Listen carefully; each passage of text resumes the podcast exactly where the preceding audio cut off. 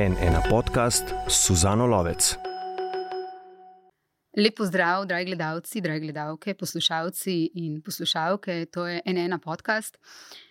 Ali v vaši zvezi škripa imate težave v odnosu, imate v zakonu ali pa v zvezi, ki se je pravkar začela, že težave?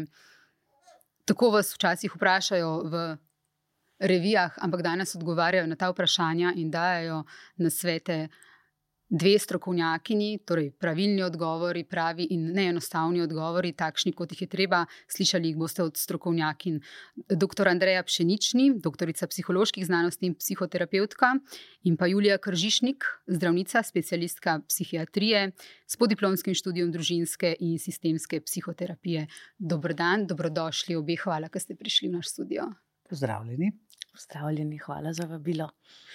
Torej, tako kot sem že omenila, to so vprašanja, ki so zastavljena, zastavljamo si jih vsak dan, vsi, ki smo v partnerskih odnosih, ki smo bili v partnerskih odnosih, ljudje na začetku zvez, ljudje po dolgoletnih zvezah. To so neka vprašanja, s katerimi se vsi ukvarjamo.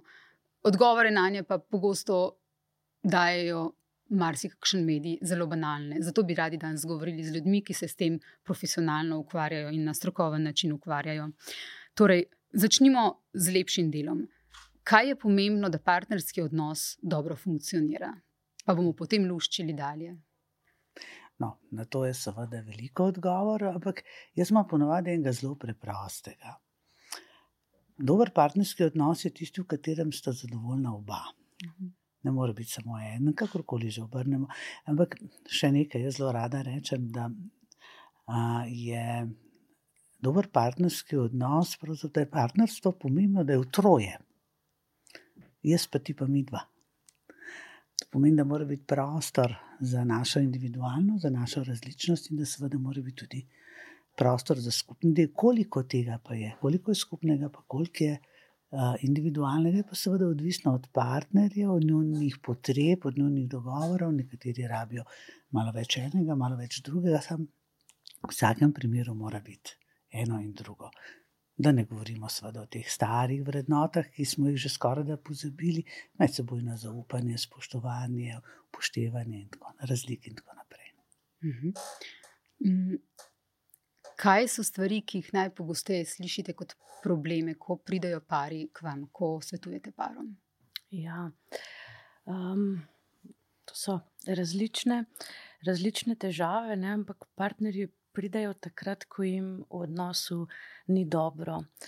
Uh, takrat, ko ne morejo v svojem partnerstvu, torej v tej pomembni čustveni eh, zvezi, uh, zadovoljiti te svoje primarne potrebe po povezanosti, po tem, da so videni, da so slišani, da so upoštevani. Uh, da imajo tam nekje uh, neko osebo, na katero vejo, da se lahko zanesejo. Um, takrat, ne, um, ko se v odnosu do najbližjega mogoče počutijo osamljene, prihajajo pa zaradi najrazličnejših težav. Ponavadi rečejo, da so to težave v komunikaciji, mm -hmm. da so to preveč uh, burni, preveč pogosti konflikti. Uh, Eh, tudi zaradi nezvestobe, zaradi razlik v tem, kako bi eden ali drugi želel vzgajati otroke, uh, zaradi finančnih težav. Torej, um, zelo, zelo veliko ne, pričakujemo danes v odnosih, ne, da bomo uh, počeli skupaj, ne, da bomo uh, lahko drug drugemu v oporo. In um, tukaj imamo mogoče, da je tudi prevelika pričakovanja. Mhm. Še nekaj dopolnila.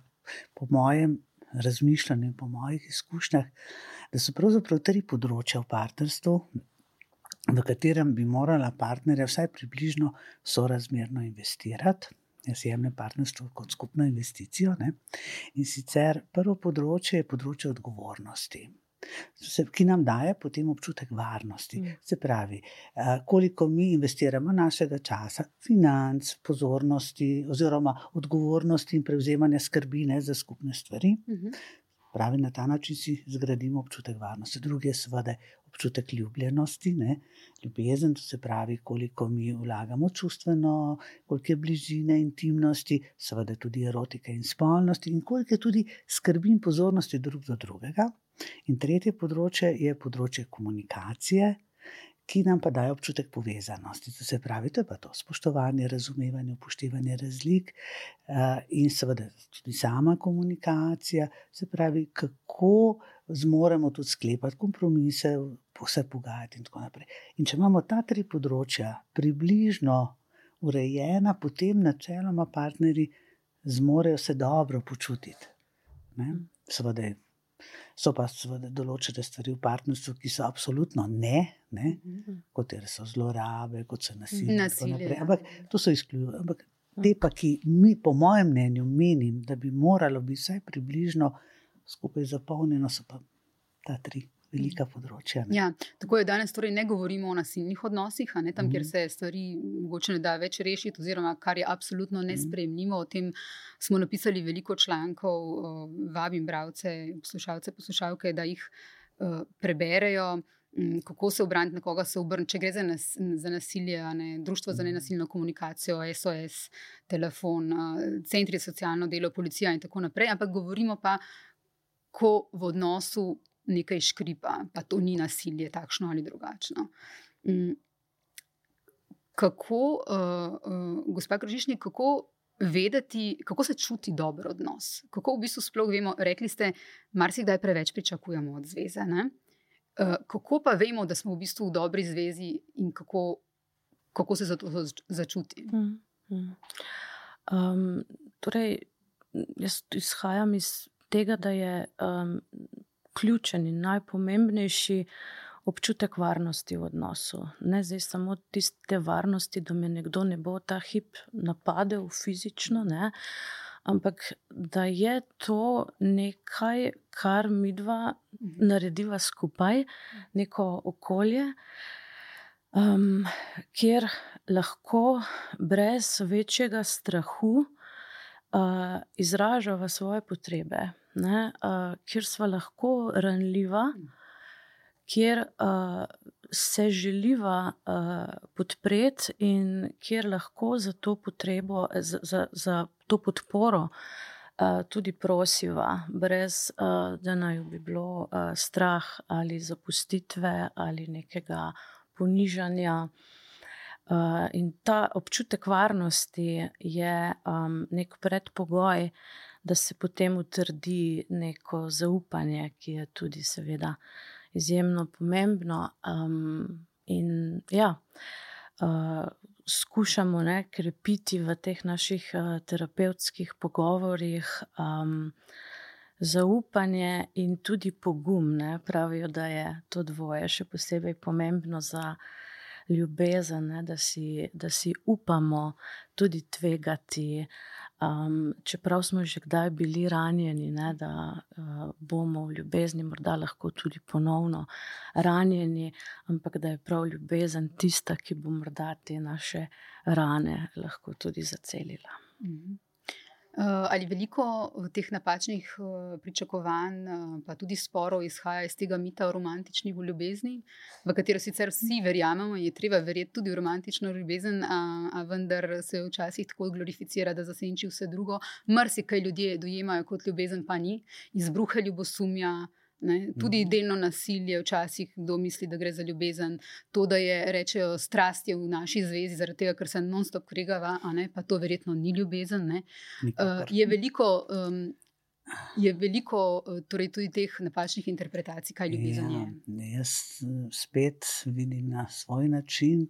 Namreč um, mi prinesemo v partnerstvo svoje pričakovanja. Zdaj pa ali so ta naša pričakovanja iz otroškega dela, iz našega nezrelega, se pravi, tista prikrajšanja, ki jih a, smo bili deležni mhm. skozi naše otroštvo, a, in jih potem pričakujemo, da bo partner, ne, seveda, kot dober starš, nam ta pričakovanja izpolnil. Ali prinesemo pa mi v partnerstvo ena relativno zrela, realna pričakovanja, ne? Zdaj, če gre za otroška pričakovanja, ta seveda ne delajo dobro v skupnosti. Torej, spet je odvisno. Za nekaj časa ne, je to celo zanimivo. Namreč ljudje delajo eno ogromno napako, pa me bodo marsikdo zdaj začudeno pogledajo. Pogledajo, iščejo kompatibilnega partnerja. To je največja neumnost, ki lahko naredimo. Pa bom povedala, zakaj. Mi iščemo nekoga, ki nam je podoben. Kar pomeni, da so tudi ranljivosti podobne, da so tudi šibke strani podobne, kar pomeni, da se pravzaprav druga drugo podpirajo. In potem najprej naredita ta dva mehurček, v katerem je svet čudovit, ko so zaljubljeni, mi ona dva imata svoj svet, ne, v katerem seveda tudi zadovoljujejo do neke mere te svoje potrebe, ne od otroštva, ampak potem pa se seveda pridejo do zone realnost in se par sooča s takimi in drugačnimi izzivi, in potem na nekem področju imata mogoče oba dva dobre kapacitete, na drugem področju pa oba dva šibke. Recimo, če nekdo zelo potrebuje pomirjanje, in drugi tudi, kdo bo potem tisti, ki bo oba pomiril, in tako naprej. Zato jaz pravim, da je za dober partnerski odnos potrebno poiskati komplementarnega partnerja. To se pravi tistega, ki je zrelejši, morda tam, ker smo mi malo bolj otroški in obratno, ne, zato da lahko drug drugemu pomagamo in podpremo na, na tistih pač naših malo manj. Ugodnih področjih, ne, in da obenem tudi drugemu, drug drugemu, mogoče malo več realnosti prenašava noter. Ne. Se pravi, da poleg podobnosti so zelo pomembne tudi razlike, teh pa se marsikdo boji, uh -huh. namesto da bi bile pravzaprav dobrodošle. V tem smislu ne, se mi zdi, da je to zelo pomembno. Katere napake mogoče vi najbolj opažate v partnerskih odnosih, da ne rečem ljubezni? Um, hm. Napake. Kaj ljudje napačno delajo, napačno razumejo, mm. iz kje izhaja potem nezadovoljstvo? Mm -hmm. um, veliko krat uh, pride do konfliktov, mhm. do nerazumevanja, uh, ker se pravzaprav um, ne znamo najbolje odzivati. Uh, torej, prej sem rekla, da v partnerstvih zadovoljujemo te naše osnovne. Eh, potrebe po povezanosti, ne, eh, te potrebe vidimo tako pomembne za človeški obstoj, za zadovoljstvo, kot so zrak in voda. Ne, in ko imamo občutek, da um, recimo tega nismo. Uh, Prav deležni v dovolj uh, dobri obliki, um, bomo ljudje ponavadi šli v, v, dve, uh, v dve strategiji reševanja. Ne? Uh mhm. -huh. Ali se bomo pritoževali, bomo partnerja kritizirali, um, ali pa se bomo užaljeni od te kritike in uh, želitev uh, umaknili, uh, kar pomeni, da bomo lahko ta svoj čustveni del, uh, to svojo čustveno um, odprtost nekako uh, zaprli, ne? se bomo čustveno. Ugasnili, postali bomo čustveno neodzivni na partnerja, ne? in uh, bolj, ko bo en partner ne, v poziciji tistega, ki kritizira, ki napada, ki išče to, ta stik, ta povezanost uh, na tak ne, ne, uh, ne pravi način, bolj se bo verjetno tisti drugi umikal, in bolj, ko se bo umikal uh, in izogibal, morda tudi svoje odgovornosti, uh, bolj bo tisti prvi napadal in um, bodo rane ne samo še globlje in večje, in um, nekako ne bomo prišli skupaj. In um, ja, v, v, v terapiji skušamo ustvariti neko okolje, kjer bi se ljudje um, bolje slišali, kjer bi v nekem varnem okolju lahko bolj pogumno izražali svoje uh, potrebe, se naučili, da smo si v teh potrebah ljudje pravzaprav bazično zelo podobni, mhm. in uh, seveda bi se naučili, da bi se naučili tudi na te uh, potrebe drugega nekako bolje odgovarjati. Mhm. Um, kako pa naj ljudje vejo, da so v napačnem odnosu, prej se nekaj, kako se čuti pravi odnos, ne pa ste pojasnili. Kaj so pa tisti znaki, ko nam kaže, da je nekaj narobe, da se je treba pogovoriti, kje se je treba pogovoriti, na kakšen način se je treba pogovoriti, kdo ne ta pogovor načne, tudi še pred terapeuti. Mogoče. Kaj so tisti prvi znaki, da, da nekaj ni ok? No, razen seveda vseh teh zunanjih pokazateljev, konfliktov mm -hmm. in tako naprej. Ne? Ampak še predtem uh, je pravzaprav prvi znak to, če so naše temeljne potrebe, ki jih prinašamo v partnerstvu, zelo, zelo na, bom rekel, različnih, morda celo diametralno nasprotnih uh mhm. -huh. poljih. Ne? Uh mhm. -huh. Recimo nekdo, ki rabi izrazito veliko bližine, se bo po možnosti navezal na nekoga, ki pa rabi zelo veliko svojega prostora, pa smo spet pri tistem, jaz pa ti pa minva. Uh, no, in če seveda ta ki rabi bližino, ne, mogoče celo več kot še iz otroškega dela, mm. več kot bi bilo, bo potem poskušal se okleniti, bo poskušal temu drugemu partnerju samo zahtevati, eh, tudi včasih izsiliti, včasih na razno razne aktivne, pasivno, agresivne načine. Ne. Mm, mm, in ta bo, se bo še bolj umikal. Se bo še, še bolj umikal, ker ga to neskončno spravlja v veliko stisko. Zdaj, če so ti razlike, ljudje poskušajo potem drugega spremeniti, da nam bo končno dal tisto, za kar smo bili po možnosti prikrajšani. Ne? Um, ampak včasih je pa treba videti, da so to tisto, čemu rečemo, nepremostljive razlike. Ne? Jaz uporabljam rada en stavek, ki sem ga pred mnogimi leti prebrala, da se ima ta riba, pa ptič lahko še tako zelo rada, ampak kje bosta pa živela. Mm -hmm. ne, mi moramo imeti vsaj nekaj skupnega prostora, v katerem lahko približno oba se mhm. počutita spet zadovoljno. Um, pa, ker če je tega premalo, ne, potem partnerstvo najbrž nima smisla reševati, ker zrelost, ne, oziroma delo na sebi se začne takrat, kadar nehamo pričakovati, da se bo drugi spremenil. Kako je s temi spremembami drugega? Kje so možne in kje ne? ja, verjetno, verjetno je najbolje začeti pri sebi. Mhm. Tako da najprej. Uh, pogledamo dovolj globoko vase, da vidimo, no, kaj so te naše potrebe, uh, do katere mere jih lahko zadovoljimo sami. Ne, in, uh, Kje želimo. Ključno, do katere jih mi lahko sami zadovoljimo. Tako, ne. Tako. ne da pričakujemo, da bodo drugi zlate ribice. Tako, in da bodo vohali, ne, uh, kaj, kaj mi pravzaprav hočemo, hočemo in želimo. Uh, in potem to, kar sem že rekla, ne, da, da skušamo tvegati, da drugemu pokažemo, da tebe sem si izbral, te, zate si želim, da si tukaj ob meni. Ne, ne, ni samo pomembno, da ti zdaj nekaj za me narediš, ampak um, da jaz lahko ne, um, čutim, da uh, si ti tisti, ki si, si izbral mene in sem jaz tista, ki sem si izbrala tebe. In um, da um, je to nekaj, kar počnemo vzajemno in uh, za. Zato, da ne samo zato, da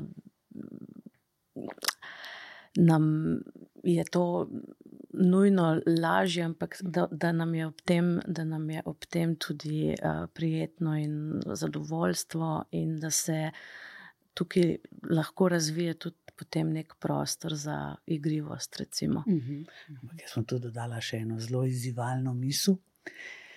Ah, ljudje iščejo nekoga, ki bo imel rad. Namesto da bi iskali nekoga, ki ga bodo oni imeli radi in šele iz tisti, se pravi, če, to je pa seveda ta moja. Moj izziv je, če nimamo sebe radi, bomo vedno iskali nekoga, ki bo na mesto nas imel nas mm. rad. In to po možnosti take, kot smo. No, potem pa za začetek, na prve zmenke, tako kot pošljemo svojega PR-a na mest nas, ne? pravi smo. Ne? In potem poskušamo biti idealni, ne zato, da bi ja pritegnili tega partnerja.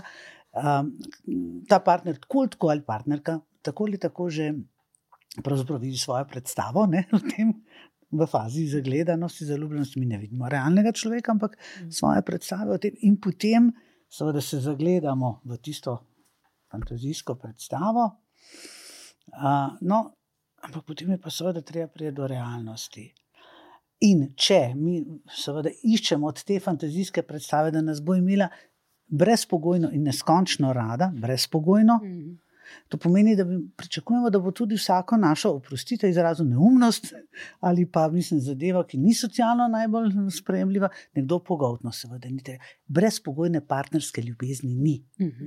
Je starševska ljubezen Mhm. brezpogojna, Mhm. ampak naši partnerji niso naši starši. Mhm. In kar pomeni, da moramo tudi mi sebe, bom rekla, korigirati oziroma kontrolirati svoje lastno vedenje, do te mere, da je socialno sprejemljivo. Ne pa, da mi pričakujemo, da bo partner a priori nam čisto vse pogoltno. Ne? Mhm. In mi iščemo to brezpogojno ljubezen, namesto da bi pravzaprav mi pogledali partnerja in bi rekli, da tega človeka, ta človek po meni vzbuja te neskončno lepe občutke. Jaz, ne, nas je pravzaprav strah Mhm. se zaljubiti, imeti rad, ker kaj pa če nas oni drugi ne bo imel. Ja, Bog pomaga, tudi to se zgodi. Ne? Ampak če mi izhajamo iz tega, koga imamo mi lahko radi, potem to pomeni, da ga ne bomo poskušali spremenjati. Mm. Ne, ker sicer bomo pa ne, izbrali nekoga, ki bo nas imel rad, ampak bo moral biti še tak, pa drugačen. Mhm. In potem pridemo ta začarani krug Mm. očitkov. Ne? Mm. Pa še v fazi, ko iz zaljubljenosti prehajamo v ljubezen, smo vse bolj realni. Rečemo, na začetku si bila bil. Ali pa bila drugačna, ne? Mm. v resnici pa smo mi malo drugačno videli, ne? in tu potem nastane tista Mm, cel kup enih razočaranj in pričakovanj, o Mhm. katerih pa čas govoriva. ne. Mm. Kako pa partnerski odnos spremeni uh, prihod uh, otroka ali pa otrok? Mm. Zdaj, verjetno ne pri vseh parih enako, mm. Mm. ampak je pogosto to tudi nek um, razlog ali pa trigger, zaradi katerega se stvari spremenijo. Je? Ja.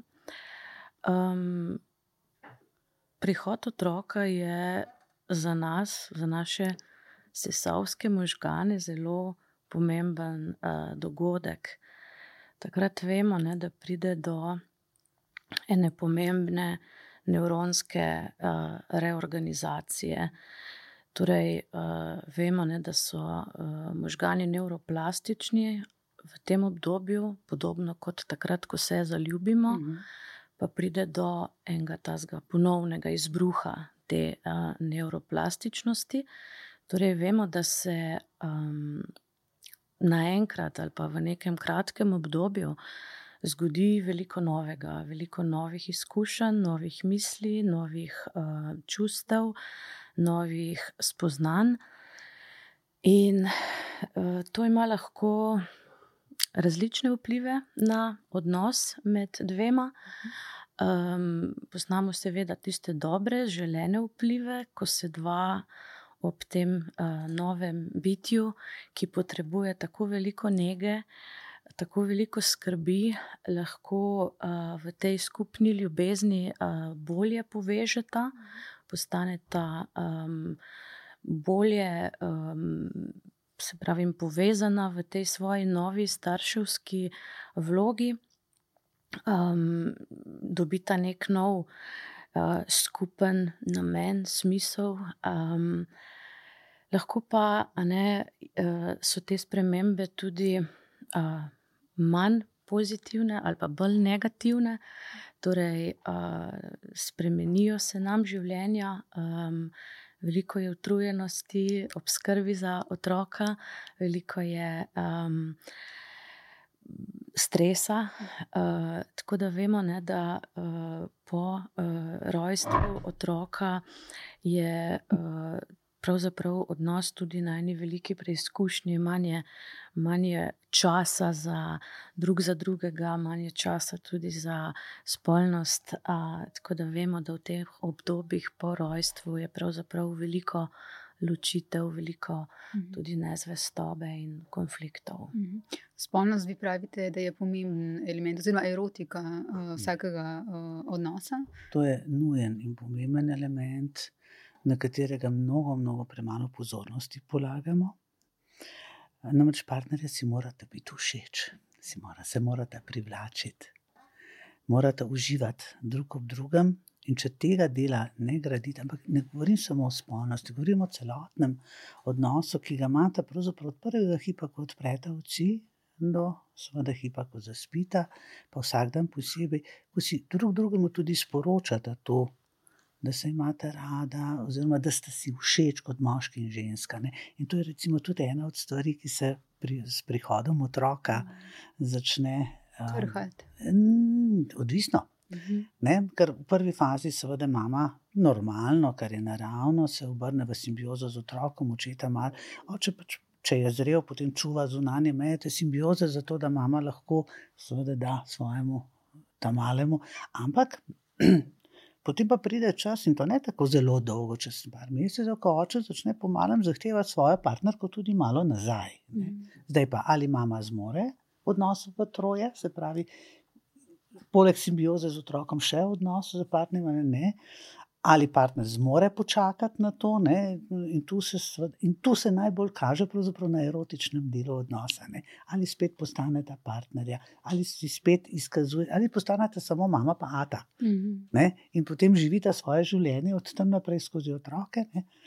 namesto da bi ona dva postala nazaj tudi, tudi partnerja. Mm -hmm. Erotika je pravzaprav tisto, kar nas dela žive. Če vas prav razumem, je pomenilo tudi to, da občutimo vse čas, uh, vi ste govorili o občutku varnosti, um, gre tudi za to prijaznost, ne, da si da nekoga. Da Da nekomu pokažeš, da ga imaš rad in da mu to izkazuješ. Da si ljubljen, da si privlačen, da si damo drug drugemu občutek, da smo privlačni. Mm.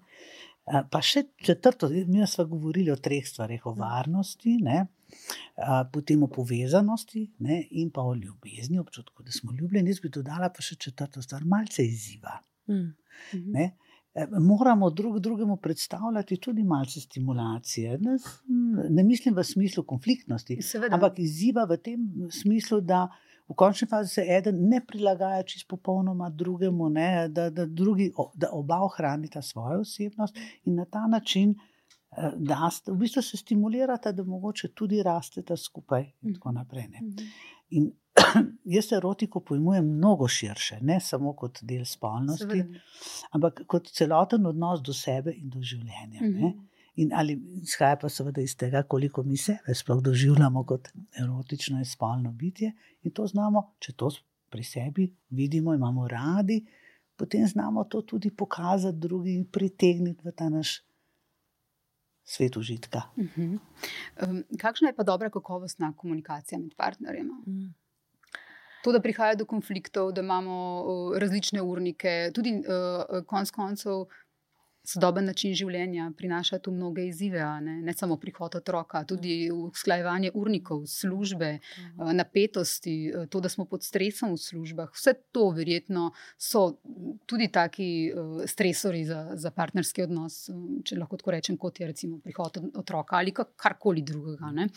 Um, kakšna je dobra komunikacija, da potem ne postane odnos slab, ampak da mm. znamo iti čez te stvari, mm. ki sem jih naštela. Mm.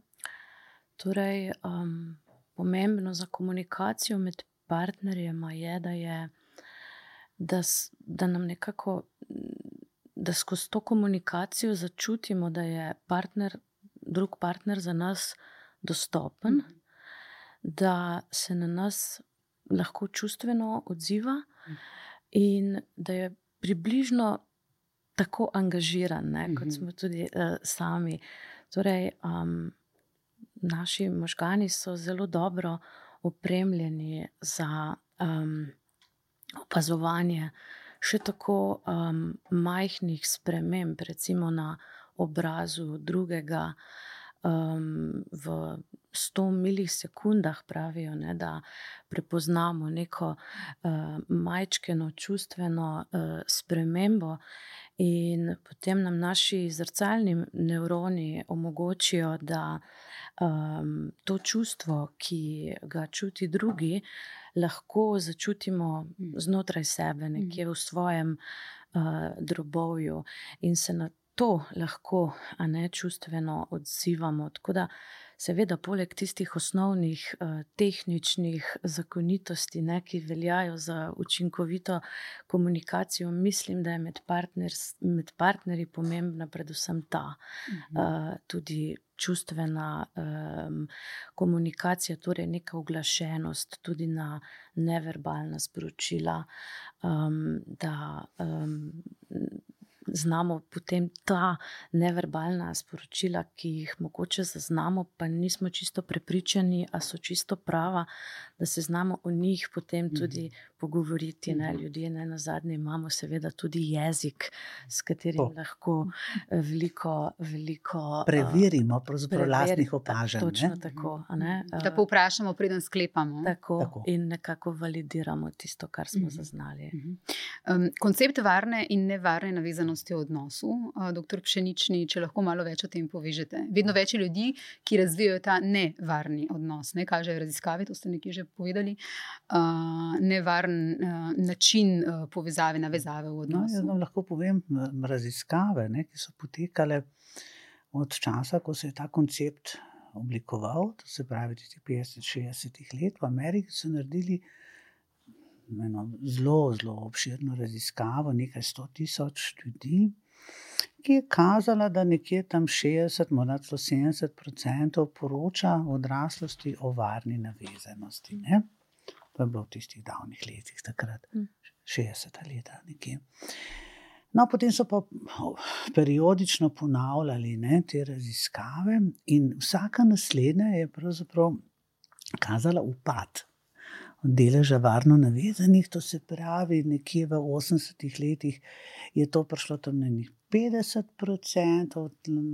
tam proti koncu 90 in tako naprej smo bliže skoraj pod 50, zdaj Uh -huh. te zadnje raziskave, nekaj smo tudi uh, mi stalno spremljamo skozi našo spletno stran, imamo gor določene vprašalnike in med drugim tudi mm, je ta vprašalnik zraven. Ne? Uh, je dejansko varno navezanih, tudi kažejo tudi vse svetovne raziskave, tam nekje sam še enih 40%, med študenti pa samo še 30%. Opišite, kaj pomeni nevarna navezanost, oziroma kakšne oblike te navezanosti so. Varna, začnimo s tem, kaj je varna Mhm. navezanost. Varna navezanost je pravzaprav tisti odnos, ki ga, oziroma tiste čustvene okoliščine, ki nam jih omogočajo starši, v katerih se lahko človek oblikuje v zrelo, relativno stabilno osebnost. To se pravi, da se mi lahko zanesemo, da lahko prepoznamo, da so konsistentni, da so sprejemajoči, brezpogojno sprejemajoči, vendarle z zdravimi mejami, z zdravimi zahtevami. Ta del starši tam zgrozno pozabljajo, ne, da otroci za, svoj var, za svojo varnost potrebujejo zelo jasne in tudi zelo odločne meje. Ne. Nekje sem slišal en super, super misel, ne, ki pravi, da starši nismo zato tukaj, da otrokom ugajamo, ampak da jih vzgajamo. Mhm. Ne. A, No.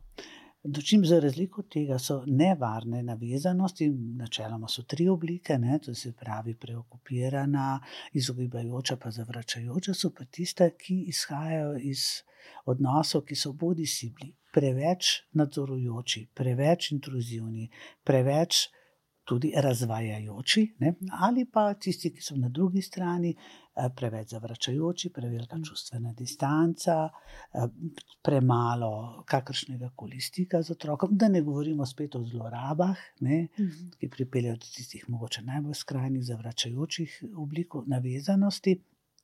No, uh, in nažalost, ne, če pogledamo, vse pravzaprav strokovnjaki po celem svetu bijemo plat zvona, ne, bomo rekli, da imamo na mesto. Bom rekla, varni staršev, ki znajo svoje otroke tudi postaviti na svoje mesto, da dobimo helikopterske starše, da dobimo starše, ki pravzaprav otrokom uh, vse pred njimi zgladijo, ne, karling starši, ne, skratka starše, ki na drugi strani pa v te svoje otroke vložijo ogromno enih pričakovanj, ogromno enih ambicij. Ne. Otroci niso, so zmedeni, so na eni strani razvajeni, na drugi strani se od njih preveč pričakuje, na tretji strani so pravzaprav morda čut, celo čustveno pojedeni, požrti v svojih starših, mi temu rečemo kanibalska simbioza. In seveda dobimo na ven potem otroke ali pa mladostnike, ne, ki pridejo nekje proti odraslosti in seveda niso opremljeni ne, za to, za to odraslost. In, te, in vse te oblike navezanosti so pravzaprav matrica. Ki jo prenašamo v odnose, v partnerske odnose, odnose. vse odnose, seveda tudi v partnerski odnos, in potem mi sami gradimo sorodne odnose, ker je to edino, kar pač poznamo, in nam je to imenovano ljubezen, karkoli je že to. Ne? in obenem um, se, se iščemo, kar je pa največ tragedija, iščemo partnerje, ki so zares, seveda, nezavedno podobni našim staršem. Se pravi, imajo podobne prikrajšanost, pre, pro, podobno pomanjkljive kapacitete, in potem mi od ljudi, ki imajo enako šibke kapacitete, pričakujemo, da nam bodo pa not prinesli vse tisto, za kar smo bili prikrajšani, mm. ali pa. Kar je še huje, mi znamo tudi sami vstopati z vsem tistim rušilnim delom, mm -hmm. ne, in tako naprej. In tako naprej mm -hmm. in, um, poleg tega ta varna navezanost oblikuje naša osebnost in tudi odnos samim sabo. Tako da v bistvu je to in seveda tudi vse naše patologije. Mm -hmm. um, ko, ko se zgodi v odnosu, da je nekdo nevarno, ne, torej ni varno navezan na uh, svojega partnerja, kako to izgleda, kako drugi partner lahko to opazi, vidi, kako to občuti. Ja, smo spet pri teh ne, nerealnih pričakovanjih. Torej, mm -hmm. Tisto, kar nam manjka, iščemo tam, kjer tega sigurno ne bomo našli.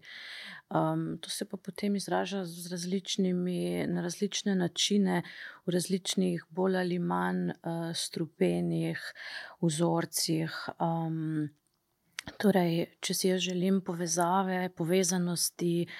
Um, ene, ene čustvene vezi, pa nekako ne znam, uh, ne znam je na nek ustrezen način dobiti, uh, se lahko poslužujem nekih metod, ki uh, seveda niso niso ne zdrave, ne za res za kogarkoli dobre, naprimer manipulacija, ne, mhm. neko uh, izsiljevanje čustveno, ne, nekoga želim pripraviti uh, do tega, da bo naredil nekaj, česar drugače ne bi naredil, ne, um, ali želim vzbuditi neke občutke krivde, mhm. da bo nekdo iz teh občutkov krivde nekaj naredil ali pa rečem, ne, če me imaš dovolj, če bi me imel dovolj rad, bi to naredil mm. za me, ne, mm. nekaj, kar mm. drugi ne, ne zmore narediti, mogoče. Torej, razne oblike čustvenega izsiljevanja, razne uh, bolj ali manj um, surove, škodljive uh, manipulacije so mm-hmm. to, ne, kar seveda potem vodi do do takih ali drugačnih konfliktov, tudi nasilja. Um, in v takem odnosu se seveda nihče ne more uh, počutiti dobro. Um, kako to prepoznamo, pozorni moramo biti spet ne, na svoje potrebe, kaj, ker, ker v teh odnosih. Uh, se drugi lahko potrudi, da na njih pozabimo, ne, uh, uporablja take in drugačne no, metode, da bi nas zmedel, da bi uh, nas prikrajšal za neko osnovno samozaupanje. Uh mhm. -huh. Torej, ne verjamemo več, uh, da smo še. Pripravi ali mhm. kakorkoli. Zdi se nam tudi mogoče, da se zdi tudi vašim klientom, recimo, uh, um, da so dolžni nekomu nekaj narediti, da so dolžni iti prek sebe, da se niso dovolj žrtvovali za zvezo, da se morajo spremeniti. To gotovo, so to te metode. Gotovo, gotovo. Mhm. Ja, ampak te metode so funkcionalne pod pogojem, da na drugi strani imamo človeka, ki je negotov, oziroma na tak ali na to.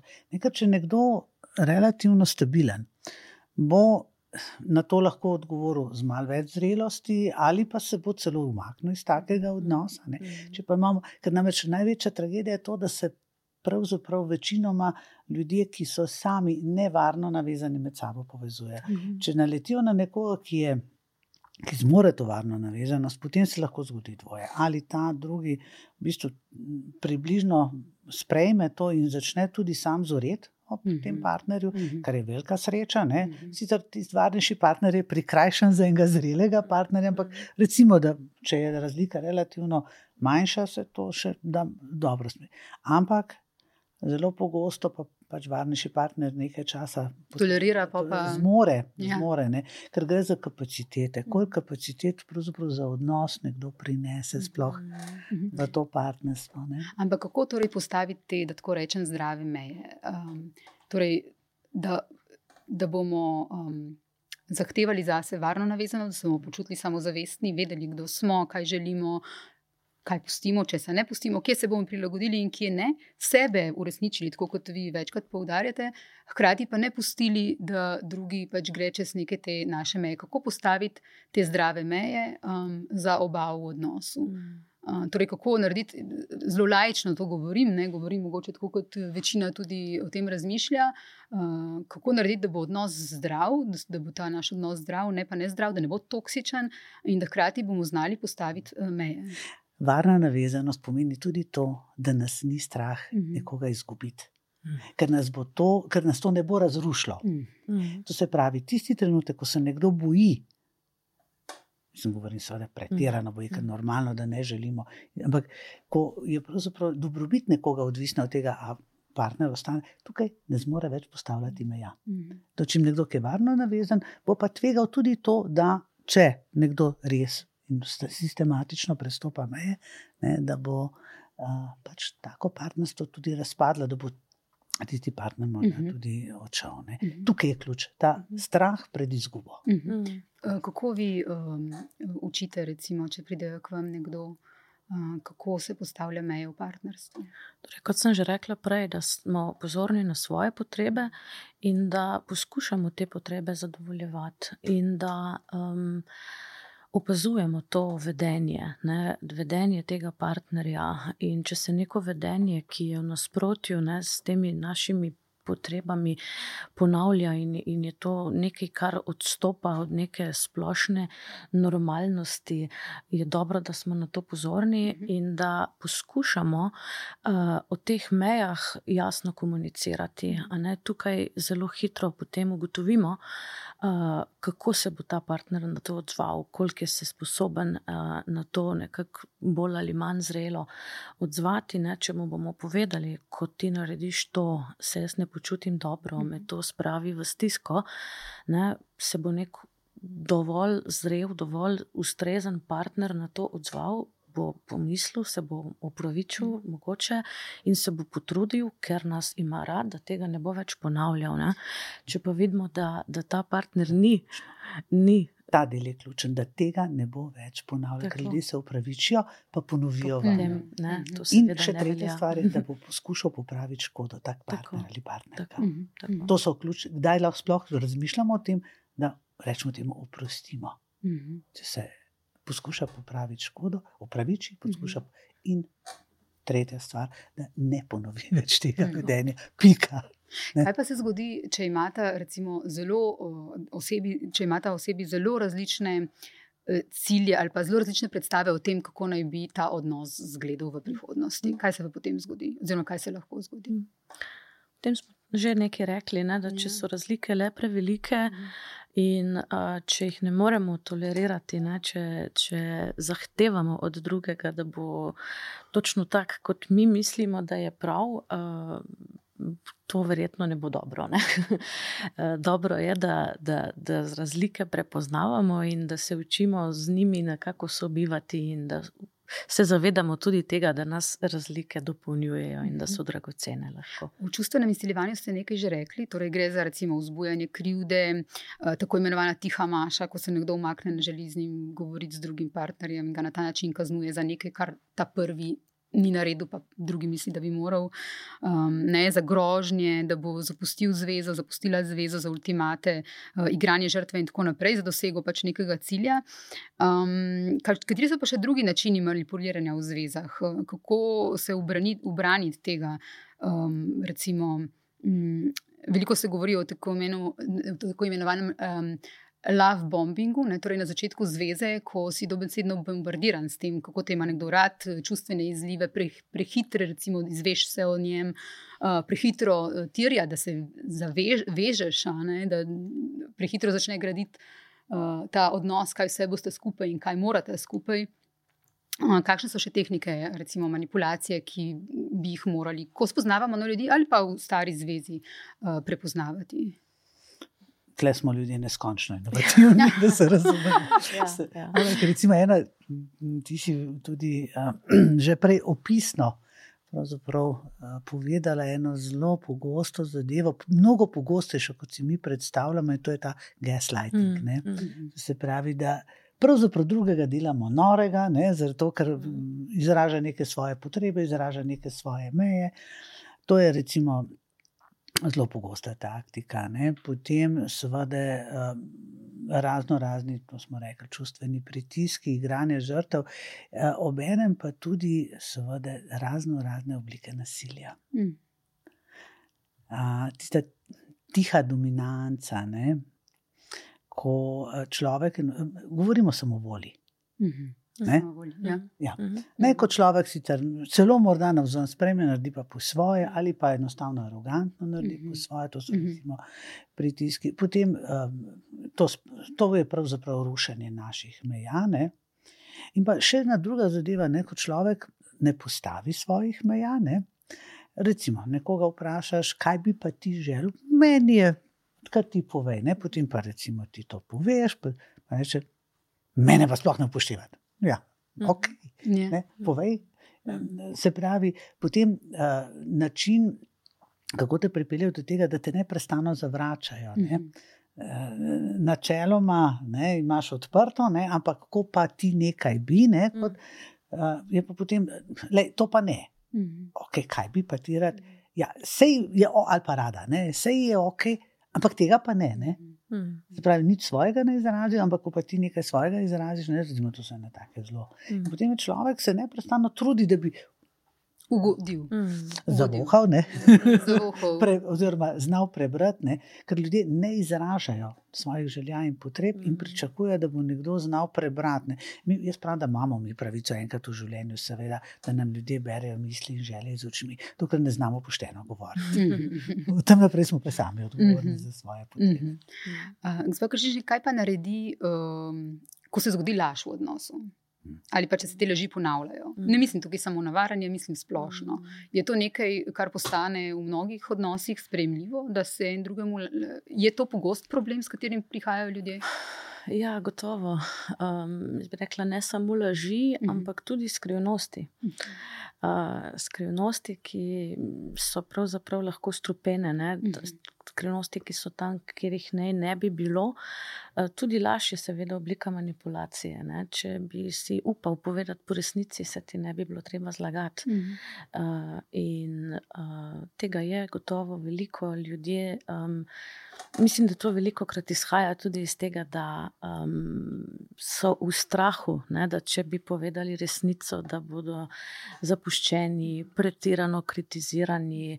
Ne, tudi neka pretirana kritika je lahko manipulacija, mm. ne, na vse zadnje. Ampak um, laž je nek poskus, ne, da se ne bomo soočili z neko svojo ali pomankljivostjo ali mm. ranljivostjo, oziroma da bi radi, kljub temu, da, bomo, da bi želeli ohraniti nekaj, kar vemo, da drugemu ne bo všeč, ne, um, da, da se tega poslužimo. Da, ga ne bi izgubili, ali pa da ne bi izgubili nekih drugih prednosti, ki jih v tem odnosu uživamo. Mm -hmm.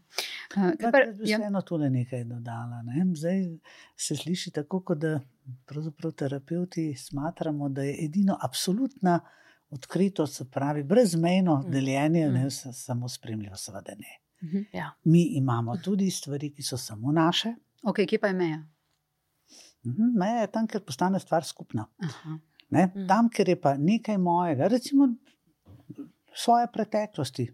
Kdo pa pravi, da moramo čisto vse iz svoje preteklosti mm -hmm. spadne, so nekatere stvari, ki so samo naše. Potem, recimo, terapeuti, za razliko od vas, ne, ki delate s parom, mi, pač analitični, razvojni, analitični mm -hmm. terapeuti, se dogovorimo z klientom, klientko, da to, kar se pogovarjamo na seansi se ne deli uh mhm. -huh. z nikomer, tudi s partnerji. Uh -huh. Uh -huh. Imamo za to svoje razloge in tako naprej.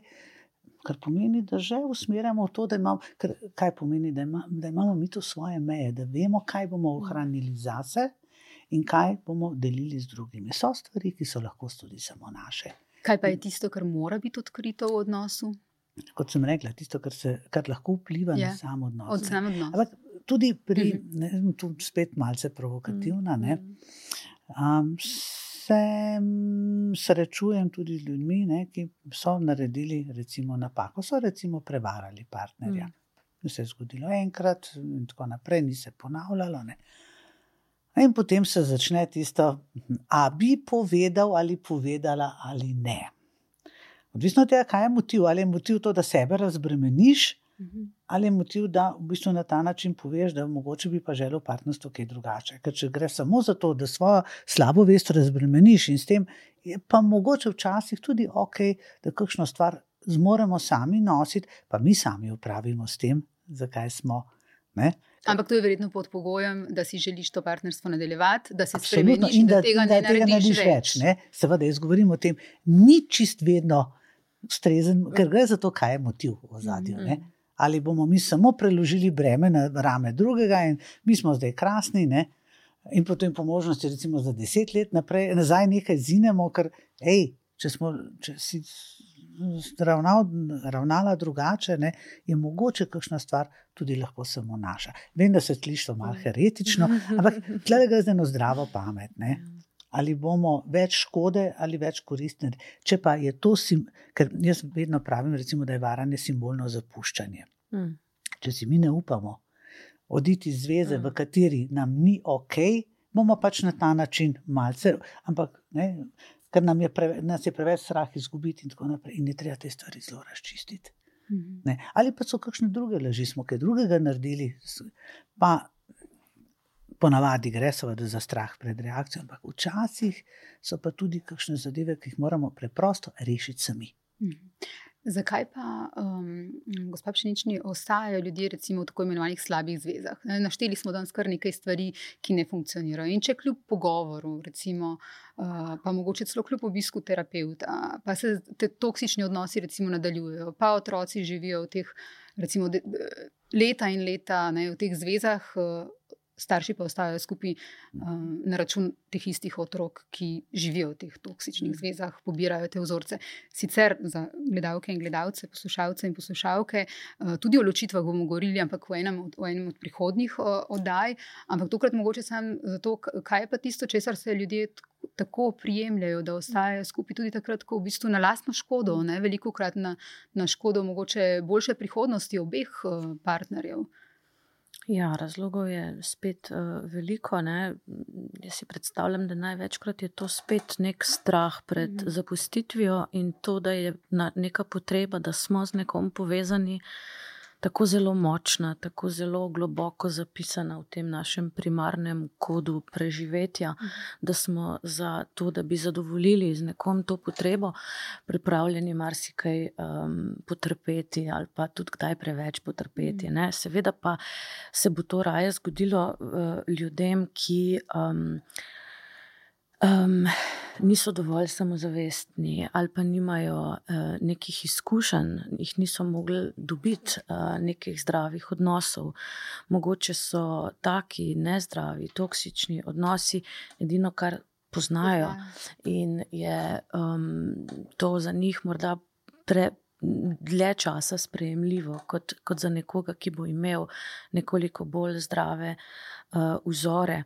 Pa tudi v nekaterih, uh, tudi v kulturološko smo uh -huh. si tukaj uh, različni. Ne? Uh, v določenih kulturah je bolj sprejemljivo, bolj dovoljeno, celo zapovedano, ne? da si lahko. Da En partner um, podreja drugega ali pa ga omejuje, in to še ni, s tem še ni nič narobe. Ne? In v takih, v takih kulturah je seveda pričakovano, da bo, da bo drugi partner to sprejel. Um, ja. Znotraj naše kulture pa lahko človek zelo trpi ne, v taki zvezi, če Gotovo. si ga nekdo želi podrediti. Um, kako pa različne osebnostne motnje, ne vem, narcisizem, uh, histrionična osebnostna motnja, kako uh, prepoznati to odnos, oziroma kako se obraniti, da v bistvu stopiš v odnos z nekom takšnim? E, moramo imeti kar že precej sreče, da se v tak odnos ne vstopimo. Uh, jaz sem precej eno serijo člankov na to temo napisala okrog tega, kakšne, kako izgleda, ne, če se različne oblike, ne, in narcistična, borderline, sizoidna in psihopatska, je, ne, v bistvu kako izgleda, če se in seveda povezava z osebo z varno navezano, te križne povezave. No, zanimivo za prebrati. Ne? Ampak dejstvo je nekaj, ne, da je, je osebnostnih motenj vse več. Ne? In tudi vsi nosimo ene dele nas, ki so manj To ste tudi vi prej meni omenili. Ja. A, tako da v bistvu. Dejstvo je, da v bistvu se te odnose da relativno preprosto prepoznati. Ne? Gre za v bistvu te pretirane zahteve, gre za občutek, da smo v konstantno, tako ali drugače, v neki drami. drami. Mm. Tako je. Ne? Gre za seveda to črno-belo gledanje, mm. gre za bodi si pretirano oklepanje ali pretirano. Mm. Skratka, te temeljne značilnosti so v bistvu zelo podobne, ne glede na vrsto uh, osebnostnih motenj. Ja, zdaj spet smo tam. Uh, mi tako kot zase predpostavljamo, da smo zreli. Namreč to izhaja iz varne in nevarne navezanosti. Nevarne navezanosti oblikujejo oziroma pripeljejo do tega, da smo na nek način znotraj prikrajšani, ne dovolj dozoreli in tako naprej. To se pravi, da imamo elemente osebnostnih motenj. Zdaj pa še nekaj drugega je. V, um, Večinoma se kot osebnostne motnje prepoznava, in to, to se relativno zlahka, ne, se pravi, nižje funkcionalne. To so tisti, ki res so dramatični, ki ne, ne morejo tako ali drugače neke konstantnosti in tako naprej. Ne. Pri srednjih, visoko funkcionalnih, uh, uh, meno strukturiranih osebah so pa ti signali precej manj jasni. Mm -hmm. Um, pri srednje funkcionalni gre predvsem za to, da so temu rečemo neurešničeni potencijali. Vse bi, vse bi lahko, pa se trudijo, tudi približno funkcionirajo in v službi, v odnosih, ampak je vedno nekaj narobe, pa vedno so drugi vse krivi. Ne. Pri visoko funkcionalni gre pa predvsem za to, da na določenih področjih lahko zelo dobro funkcionirajo, recimo na profesionalnem področju, ne, na, na področju bližine, odnosov in tako naprej, gre pa marsikaj zelo narobe. Recimo, ali pa obratno, se ni važno. No, ampak dejstvo je, da bomo mi zagotovo v svojem iskanju partnerstva in grajenju partnerstva naleteli na ne, ljudi. Zdaj pa odvisno od tega, na kateri del naš naleže, na naš bolj zreli ali na naš manj zreli del. Je odvisno od tega, kako se bomo odzvali. Lahko se bomo tudi z svojimi ranjenimi deli strahotno močno navezali. Pa lahko funkcioniramo, recimo, da smo mi sami visoko funkcionalni, ne? pa mejno strukture, ker je, če gledamo, koliko je še varno navezanih, bi lahko rekli, da večina nosimo neke svoje deficite. In če bomo mi s temi zelo ranjenimi deli se navezali, bo sicer na eni strani to preneslo občutek, ne, da smo dobili tisto, kar smo celo življenje iskali, na drugi strani bo pa grozno, mm -hmm. ker bo v bistvu zbudilo vse naše najglobje strahove, od mm. strah pred izgubo, mm -hmm. pa do tega, da v bistvu bomo morda zagledali tudi tiste svoje. Hude rane, in tako naprej. Tako da to so ponavadi zelo zelo težavni odnosi. Lahko so prekrasni, ampak ob enem, in to je siguren znak, da, da je nekaj narobe. Da smo, bodi si mi, mm -hmm. svoje ranjene dele vnesli, bodi si drugi, še najbolj pogosto pa oba. Mm -hmm. Kakšen je uh, najpogostejši nasvet, ki ga date, recimo, ko par pride do vas? A pogosto pride par kot par, ali pogosto pride samo eden s težavami, ki se navezujejo na partnerski odnos? Mm -hmm. Uh, oboje. Uh -huh. uh, vidimo, um, veliko je tudi ljudi, ki so obupani in mhm. pridejo sami, uh, ker uh, se njihov partner ne želi. Um, Udeležiti terapije, seveda, ne, če z njim ni nič narobe, zakaj, zakaj bi šel v terapijo. Um, terapeuti vseeno, ne, tudi če verjamem, da se da dati, mogoče kak koristen na svet, uh, vemo, da dajanje na svetov ni tisto najbolj uh, učinkovito. Um, ne vemo ne, za drugega bolje, kaj bo zdaj za njega dobro, ker verjetno je, so stvari veliko bolj kompleksne, kot bi na prvo žogo rekli. Tako da, če se le da, uh, skušamo, uh, recimo v partnerski terapiji, um, paru omogočiti uh, nek varen prostor, uh, kjer uh, lahko doživita drug z drugim neko korektivno izkušnjo. Mm -hmm. Torej, um, da jih opolnomočimo, uh, jih podpremo v tem, da si, da si upajo pokazati več svoje ranljivosti, če je to potrebno, da se drug drugega slišijo, uh, da mogoče malo upočasnijo to žogico, ne, ki gre ponavadi uh, doma prehitro uh -huh. in uh, se uh, tisto najbolj. Um, pomembno, čustv, tisti čustveni del izgubi, navadno v neki bolj ali manj banalni vsebini. Uh, torej, uh, skušamo ne, jih uh, opremiti ali, ali jim omogočiti, da bi, da bi začutili uh, nekaj več v tem, v tem odnosu, in da bi tudi dobili možnost. Um, neke boljše uh, medsebojne, medsebojnega razumevanja, medsebojne uh, podpore in odzivnosti drug, drug mm. na drugega. Jaz bi še ja, povedal, da včasih, nažalost, večkrat. um, Pa tudi, ko vidiš, kako funkcionira en, drugi ali oba partnerja, in vidiš, da so deficiti pri partnerjih Aha. zelo hudi, potem sugeriramo, mm. da je eden ali oba poiščejo paralelno tudi, seveda, pomoč samo zase. Mhm, ja. Tako da usporedno tečejo stvari. Jaz celo razmišljam, da, bi, da je vključitev v skupino celo bolj dragocena, mm. zato da drugi mm. povedo, ne, kako se odziva. Ampak se mi zdi, da so zdaj le veliko ljudi razočarali. Ljudje imajo predstavo, da je v bistvu terapija svetovanja. Aha, ja. aha, da... In da bodo prišli in da bodo dobili uh, nekaj recept. Ne. Jaz včasih celo mojim klientom, ki reče, kaj ne naredim, jaz se nasmejem, pa rečem tri prevale in dva počepa. Mislim, pa se seveda začnejo smejati, ker vedo, da smo prišli na tisto polje. Ne. Ampak to je zelo bistvo kar je kolegica rekla, ne, da v bistvu ne svetujemo. Mm -hmm. Ker to je tako, da bi jaz dala svoje čevlje nekomu. Mm -hmm. Meni so prav, vi boste morali pa svoje unositi. Mm -hmm. In to, da v bistvu je omogočena korektivna izkušnja, se mi zdi tista najbolj ključna zadeva. Jaz to poudarjam, zato ker smo tolkrat neslišani v tem, ne? ampak dejte, vi, ki boljše veste. Ja. Ne? Pa vi, ki imate toliko izkušenj, da narcistično mm. gratificirajo, zato da bi. Včasih se, se malo gledam pred sabo eno sliko. Pred mnogimi leti v nekem knjigi bilo, so tiste medene mravlje, ki jih nahranijo, in potem imajo tisto ogromen medeni trebušček, potem pa hodijo uh, ostale mravlje, ne, malo božati po tistem trebuščku, da spusti nekaj medu in da se hranijo na njih. Oni so pravzaprav živi sotčki, ne, no, tako bi oni malo nas pobožali, yeah. da bi ja. dobili našo veliko modrost. Ne.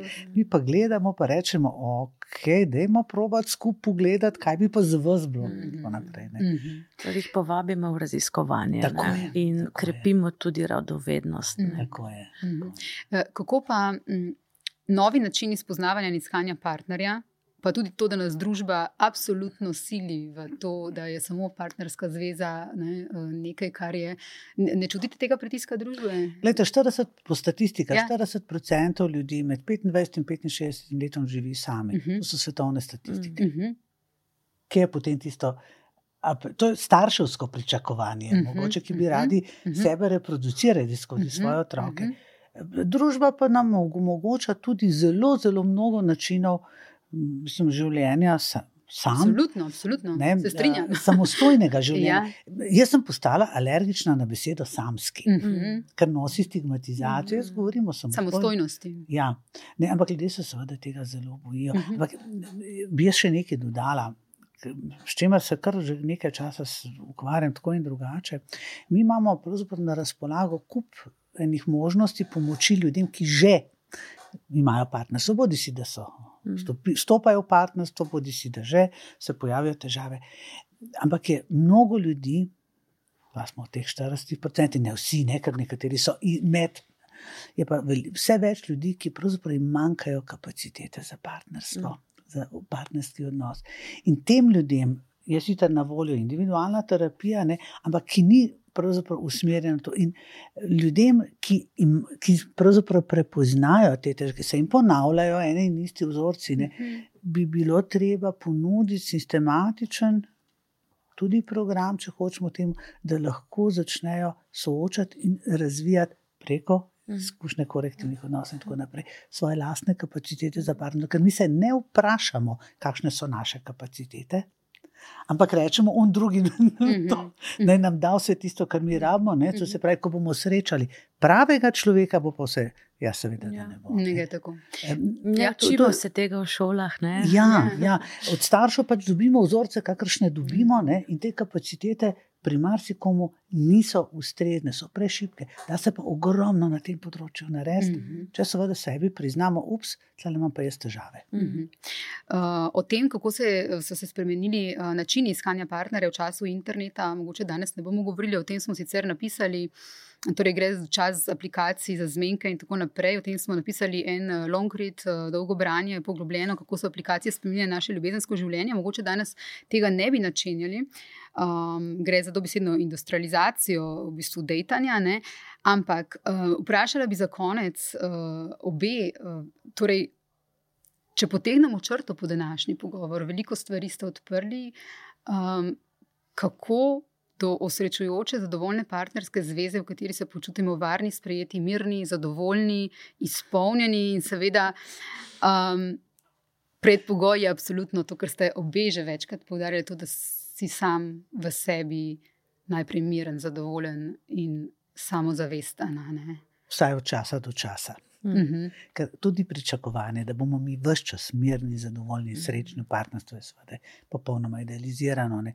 Tako kot v življenju, gremo tudi v partnerstvu od problema do problema, mm -hmm. od težave do težave, mm -hmm. od stiske do stiske, in smo bolj ali manj uspešni pri reševanju tega, bodi si medsebojnega, bodi si uh, tudi tega, kar prihaja od odzunaj. Mm -hmm. Se pravi, postaviti pričakovanja za začetek v realnost. Mm -hmm. Pa smo pri tej romantizirani ljubezni, to je prva zadeva, druga zadeva.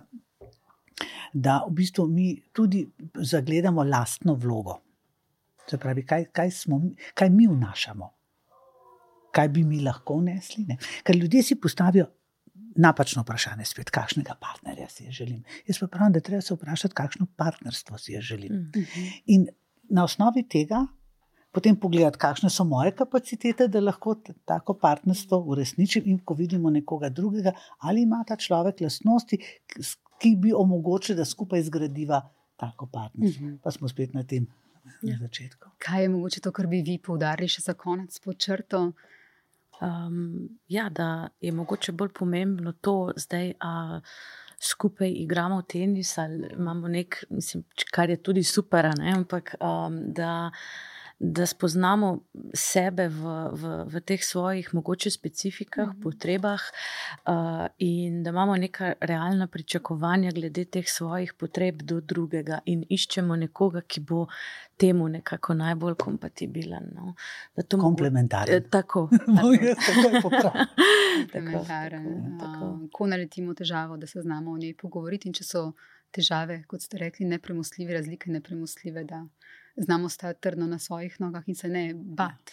Ne? Tudi zapustiti, tudi zaključiti. Glede, mi tudi, ko delamo profesionalno investicijo, če vidimo, da čez čas ne, se izguba povečuje, jo zaključimo. Rečemo, ok, tole sem uložil, tole ni šlo, gremo naprej. Mm. In tudi v partnerstvu včasih je to treba narediti. Za manj trpljenja. Ja. Je treba, marsikaj, partnerstvo je neprestano, neprestano delo, neprestano garanje, da se razumemo, to ni nekaj, kar samo od sebe raste. Ampak če vidimo, da se ponavljajo, da smo kronično nezadovoljni, en, drugi, oba dva, potem je bolje razmisliti tudi zato, da naši otroci nimajo tistega groznega mm. občutka krivde, mm. da smo starši ostali v neustreznem partnerstvu zaradi njih, mm. ker nikoli ne ostanemo zaradi otrok, ampak zato se mi bojimo ostati sami. Okay. Ampak vseeno bi rada zaključila na, uh, mogoče na pozitivnih primerih, zato se spet obračam k vam. Uh, a imate kakšen primer, uh, recimo, ko so uh, ljudje ostali skupaj, ko so znali iti, uh, recimo tudi s pomočjo mm. terapije, uh, preko nekih težav, ko so se zavedli, v bistvu, odkje izvirajo težave in so.